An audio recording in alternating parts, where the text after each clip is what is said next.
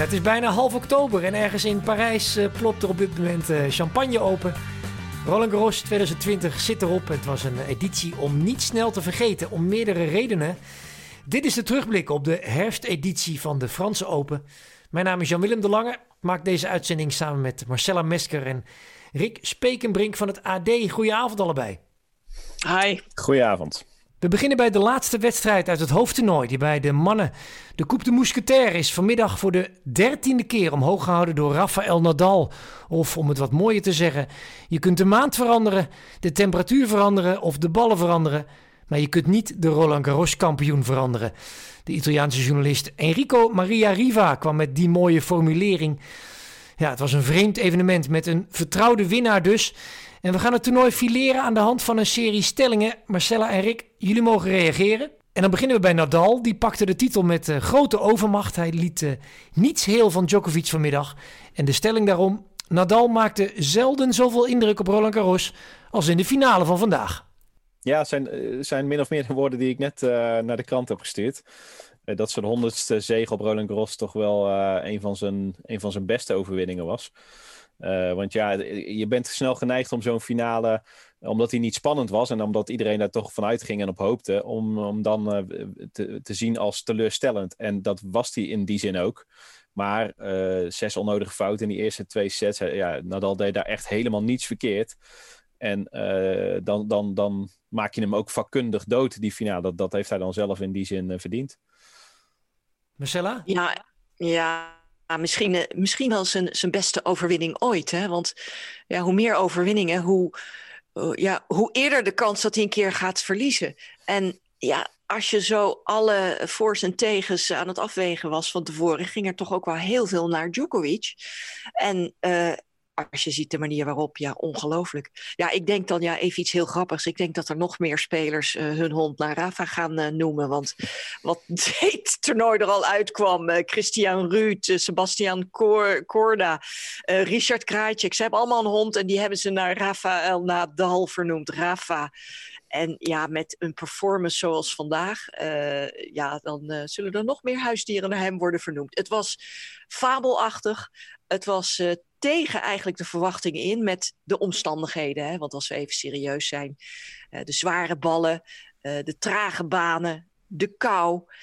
Maar één ding hebben we toch een beetje onderschat: het dak. Het dak ging dicht. We dachten allemaal, althans ik dacht, hé, hey, dat is toch een voordeel voor Djokovic. Nou, dat was het helemaal niet. Het werd nog langzamer en ja, Djokovic kon niet meer door de Spaanse muur heen breken. Dus ehm, het voordeel was voor Rafa en hij heeft dat uh, ja, met volle teugen benut. Dat is toch wel verrassend, uh, zou je kunnen zeggen, toch? Want Djokovic heeft vaak genoeg laten zien dat hij wel door die muur heen kan breken. En, en ook na afloop, uh, Rick, had het hiervoor al even kort over de persconferentie. daarin gaf Djokovic ook alle credit aan Nadal. kwam er niet doorheen, maar hij heeft vaak genoeg laten zien dat hij dat ook gewoon wel kan. Dus ergens lijkt iedereen verrast door Nadal. Ook al heeft hij al twaalf keer dit toernooi gewonnen. Uh, wint hij nu de dertiende keer. Is het niet gek dat hij verrast? Ja, zeker. Ja, Djokovic gebruikt inderdaad die woorden. Dat hij uh, surprised was bij, uh, door het spel van Nadal, die eerste sets. En dan denk je toch, ja, waar heb je de afgelopen 15 jaar geleefd? Uh, maar over dat dak, hè, want dat heeft misschien wel een rol gespeeld. Het is natuurlijk eigenlijk raar dat dat dak dicht is als het niet regent. Ik, ik snap niet zo goed waarom dat, uh, waarom dat moest. Daar heeft Djokovic ook niks over gezegd. Hij zocht geen excuses in die zin. Maar ik vond wel dat hij uh, ondanks dat Nadal dan zo goed speelde, dat, dat, dat, dat is natuurlijk zo. En dat, daarmee dwingt hij dingen af. Maar Djokovic kreeg in die eerste set echt nog wel een paar goede ballen om er wat van te maken. Maar hij leek ook wat kracht te missen of zo. Het was allemaal een beetje uh, wat slap en wat.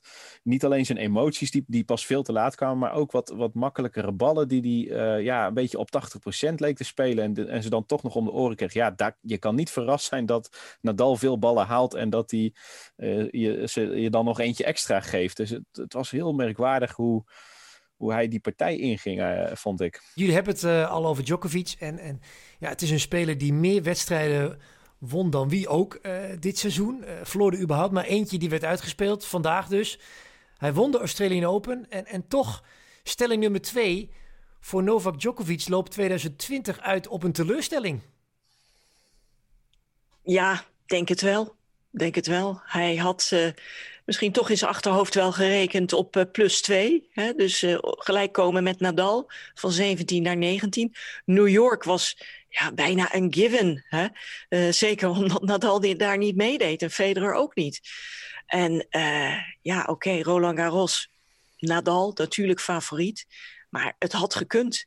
Dus um, ik, denk, ik denk heel teleurstellend voor Djokovic. En, maar ja, dan zegt hij weer in de persconferentie meteen... ik ga het toernooi van Wenen spelen, een ATP 500-series. dus dan denkt hij, ja, dat die nummer 1 ranking... Hè, want daar is hij nu wel uh, Federer voorbij... Die positie, dat record wil hij wel heel erg naar zich toetrekken. Want ja, hoe kan hij ineens over Wenen beginnen... na deze verloren finale van Roland Garros? Ja, ik denk ook dat zijn, uh, zijn jaar. Uh, kijk, als je die cijfers ziet van dit jaar, dan was het een van zijn beste jaren uit zijn carrière. Ook al zaten daar natuurlijk een stuk minder toernooien in. Maar als je dan maar één Grand Slam kan bijschrijven. en het gaat hem echt om dat record, dat, dat, daar doet hij niet geheimzinnig over.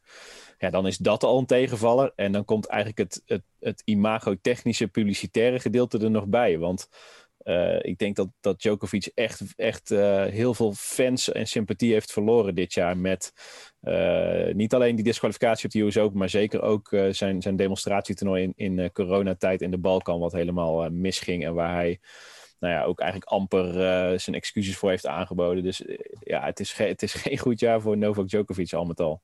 Dan de vrouwen met een frisse winnares in het 19-jarige nieuwe gezicht Iga Swiatek de Poolse pletwals, zoals uh, Philippe de Wulf het, uh, het mooi zegt. Zij maakte echt gehakt van de concurrentie, verloor maar uh, eh, 28 games in 14 sets.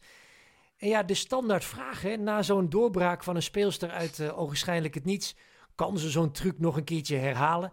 Nou goed, daar kunnen we geen antwoord op geven. Maar ik gooi wel deze stelling erin.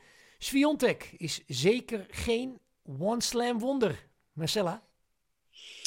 Uh, nee, ben ik helemaal mee eens. Uh, supertalent, multitalent kun je er noemen. Ook de manier van spelen brengt toch weer een aparte klasse mee. Kijk, het power tennis heb ik al vaker gezegd, dat is echt verdwenen. Hè? De Shara, Sharapova's en de Williamses en de Azarenka's. Nou, oké, die speelt de laatste tijd nog wel weer aardig.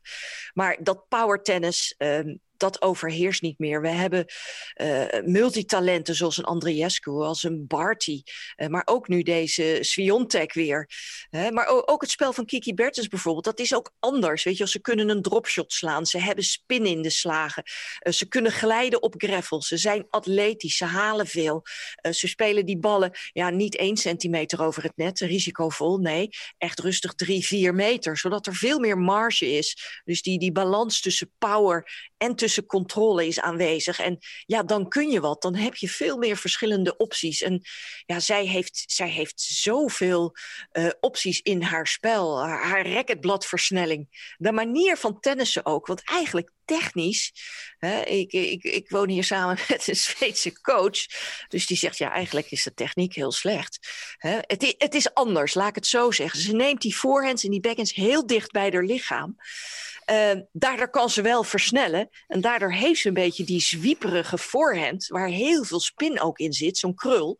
Maar uh, het is anders. En, en alle tegenstanders, dat hebben we hier gezien, niemand heeft de set van haar kunnen winnen. Die moeten het antwoord, de sleutel tegen haar nog zien te vinden. Dat gaat natuurlijk gebeuren, maar ze is pas 19, zij gaat zich nog verbeteren. Dus dit is echt geen eendagsvlieg. Die gaat uh, meerdere uh, Grand Slams winnen. En uh, ja, nieuwe generatie vrouwentennis alweer. Eh, leuk. Ja, ik, ik hoor het Marcel. Jij, jij bent fan. Rick, ben je ook fan? Heb, je al, heb, je, heb je al een kaartje?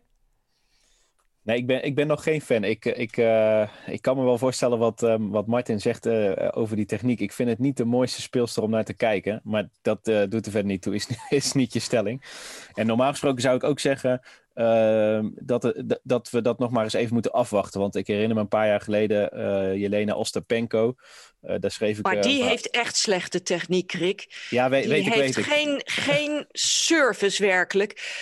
Die voorhand zwabbert aan alle kanten. De opgooi krijgt ze niet voor elkaar. Ze is niet atletisch. Dus daar zit een dag- en nacht verschil tussen. De ja. kwaliteit, vind ik, van Ostapenko en Sviontek. Nee, zeker. Maar eh, ook toen Ostapenko Roland Garros won, eh, dachten we ook, ze was nog hartstikke jong. Dat was totaal onverwacht. In, in twee weken tijd was ze Grand Slam kampioen waar niemand op rekende. En toen hebben we toch ook gedacht dat haar wel een, mooiere toekomst uh, voor haar lag dan, dan er uiteindelijk uit is gekomen. Hoewel ze nog, nog altijd tennist. Maar ik wilde al zeggen, dus ik, ik zou zeker voorzichtig zijn. We hebben meer van die speelsters gezien die na de eerste Grand Slam terugvallen. Maar dit is wel een ander verhaal, want ze is en pas 19 en de manier waarop ze dat toernooi heeft gewonnen. Zonder ook maar één set in de problemen te komen. Amper een game verloren. Driekwart van of 70% van de service games van de tegenstander uh, gebroken. Dat zijn wel echt indrukwekkende statistieken. En ik, kan, ik, ik snap bijna niet hoe dat kan. Want ik heb die partij, uh, althans de hoogtepunten van Aranska Rus nog gezien tegen uh, Swiontek in Rome. En dat is nog maar een paar weken geleden dat ze daar gewoon eerste ronde verloor. En, en, en nu wint ze met 2 en 1 volgens mij van Halep ja, dat, hoe is dat mogelijk? Het, het zou toch eigenlijk ook niet moeten mogen? Uh, er zijn geen makkelijke wedstrijden meer. Het is uh, de vorm van de dag. Um, um, wie is mentaal het sterkst? Want daar hebben we het nog niet over gehad, hè, Jan Willem? Wou je daar nog wat over vragen? Nou ja, ja, alsof je me een beetje kent, uh, Marcel. Je hebt niet stiekem het uh, script gelezen. Nou ja, wat natuurlijk wel boeiend is aan die Spiontech... dat is dat ze, dat ze reist met een, uh, met een sportpsycholoog. Het is namelijk niet zo dat ze met die sportpsycholoog reist omdat ze issues heeft gehad uh, als het daarom gaat. Nee, uh, dat, dat, dat doet ze al een tijdje om ze juist voor te zijn, om die problemen voor te zijn. En, en dat vind ik nou razend interessant. Uh, een tiener die nu al bereid is om daarin te in investeren. en, en, en dat doet nu al bij dit toernooi. Ze begon dit toernooi als ongeplaatste speelster. Maakt het extra interessant. Ik vraag me af of ze daar een, een, een mee, uh, mee gaat zijn. En, en de stelling daarom is: uh, het is een kwestie van tijd dat de sportpsycholoog tot de vaste entourage van de tennisprofs gaat behoren. Um, ik denk wel dat we daar naartoe gaan. Uh, het zal nog wel even duren. Je moet ook niet vergeten, een hoop spelers willen daar niet echt voor uitkomen. Hè? Want ik weet, Simona Halep werkt ook met een sport, psychologen, daar hebben we het nooit over. Kiki Bertens heeft ook wel met een mevrouw gepraat. Er zijn er wel veel hoor die dat op de achtergrond doen, maar ze houden het een beetje uit de publiciteit. Terwijl het ongelooflijk belangrijk is. Ik zal nooit vergeten, ik uh, was een keer bij een lezing, weer heel wat anders. Rico Schuijers, bekende sportpsycholoog in Nederland, heeft ook uh, bij de Olympische Spelen uh, het vrouwenhockeyteam in de voorbereiding begeleid. En, en, hij vertelde daarover. En ik weet één zinnetje. Hij zei altijd wat ze in hun hoofd mee moeten nemen. Soms zit het mee en soms zit het tegen. Dus soms kun je opstaan, want dat ging toen over de finale. Dat, uh, er werd gehockeyd en het was ineens van 40 graden plus was het uh, 18 graden, storm, regen en daar moesten ze hun finale inspelen. Nou, dan doe je de gordijnen open. Dan denk je, ik ga een heerlijke wedstrijd vandaag spelen. Of het nou hockey is of tennis. En dan zit alles tegen. Het is slecht weer. De baan komt niet uit. Uh, vandaag, het dak gaat dicht. Hè? Dan moet je dus een stemmetje in je hoofd hebben of een trucje of een routine zinnetje. Hij zei, je moet een aantal zinnetjes voor jezelf hebben, een stuk of vier, vijf zinnetjes, die jou uit dat soort moeilijke situaties kunnen halen, die het kunnen uh, relativeren. En zeggen van, nou, soms zit het mee, soms zit het tegen. Accepteer het zoals het is. Um, ongelooflijk belangrijk. En zeker in tennis, want je moet het helemaal alleen doen. Een individuele sport. Nou ja, interessant daarin is natuurlijk ook wel dat Sviontek tijdens die finale... op een gegeven moment was het die medische time-out, uh, in de baan af... En wat, uh, wat doet de Poolse? Die gaat, die gaat serveren, gaat een beetje interacteren met het publiek. Is gewoon volledig relaxed. Uh, ik ben toch benieuwd wat voor hout ze gesneden is. Maar daar liet ze wel iets zien hoe stabiel ze op dat moment in, in haar vel zat.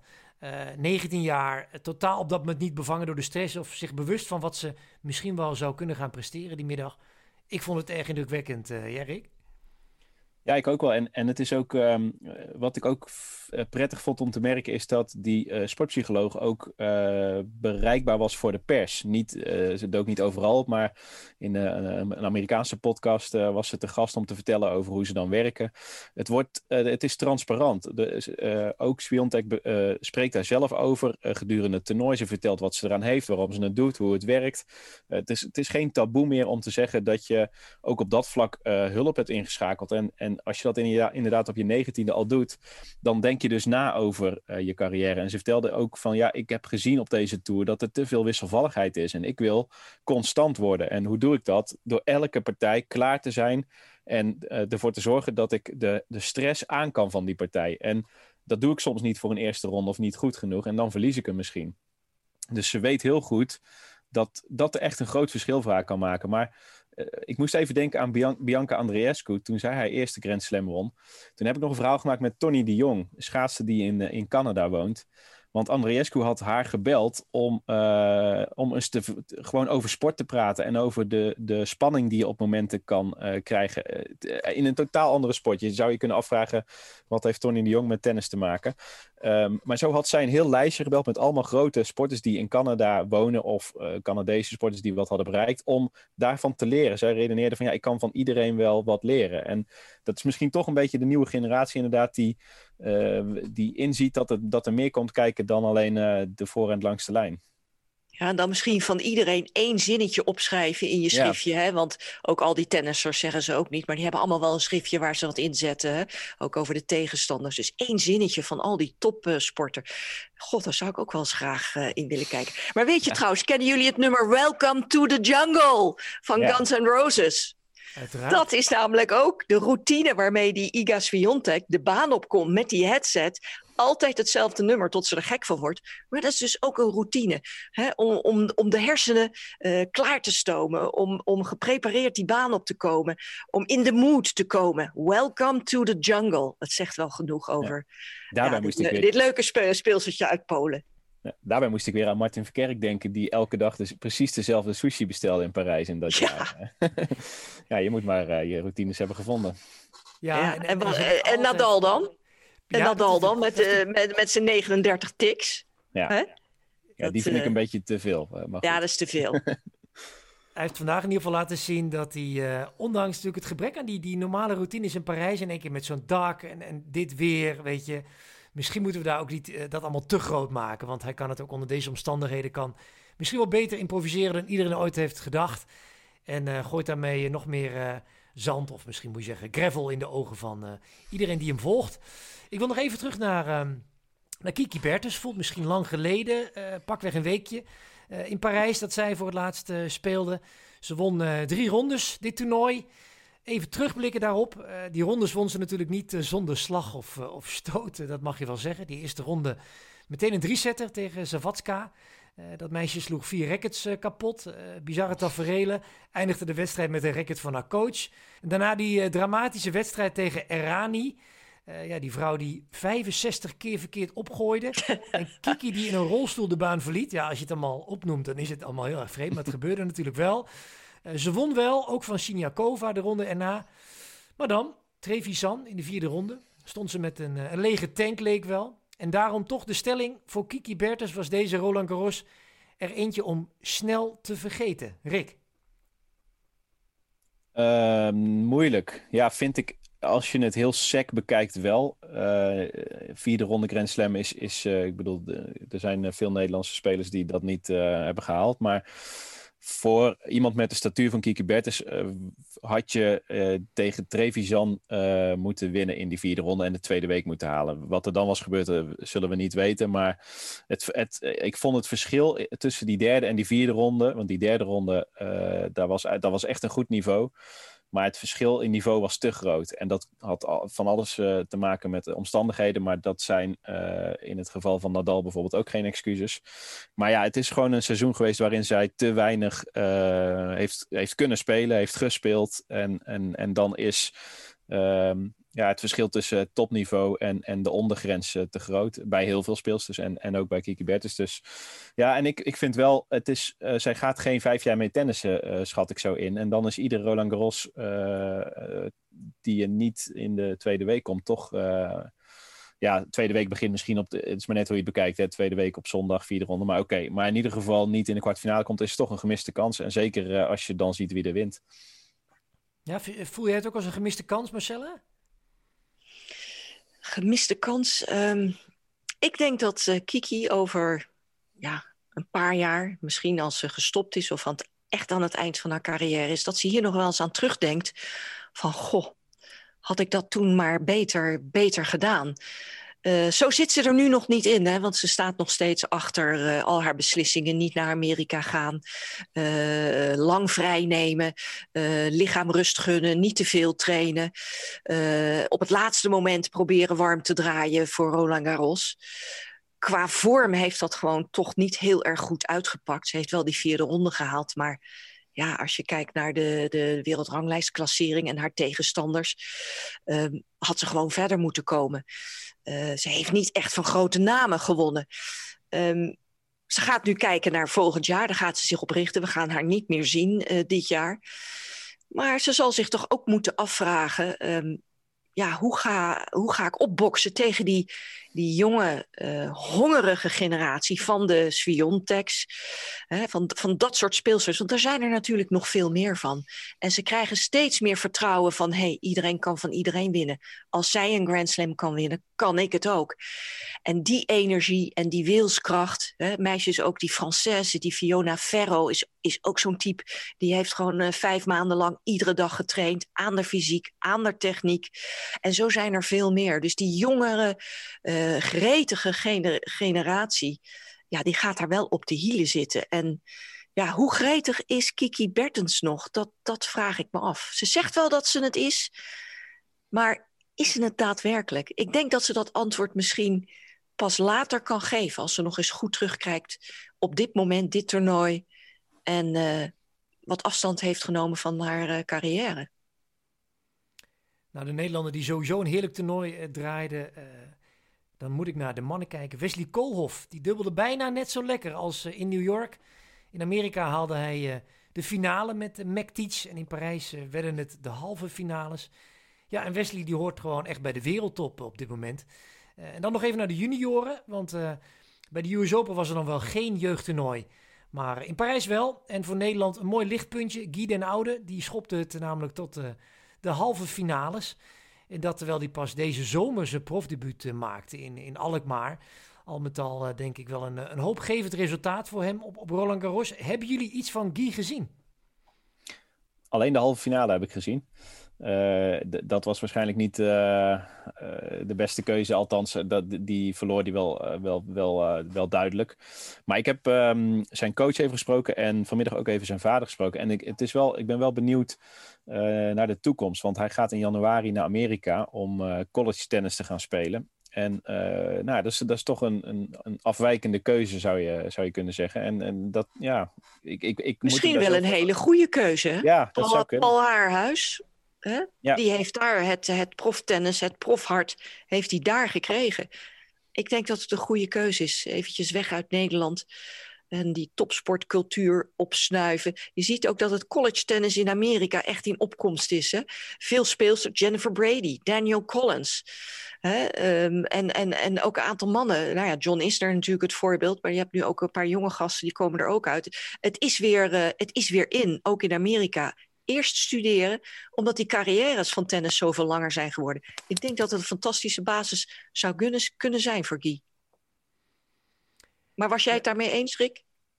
Ja, ik, ik kan dat niet zo goed inschatten hoe die route er dan uit zou zien, wat dat precies betekent. En, en ik heb hem ook niet zelf nog horen vertellen wat de overwegingen zijn. Dus ik ben er nog wel benieuwd naar. Maar het is in ieder geval een interessante keuze, ja. En ik denk dat je in Amerika uh, bepaalde aspecten van het uh, topsporten zijn wel uh, sneller leert dan, dan hier in Nederland. Ja, dan waren er ook nog wat Nederlandse winnaars in, in Parijs. Diede de Groot en Aniek van Koot. Zij wonnen namelijk het, het vrouwendubbelspel bij het rolstoeltoernooi.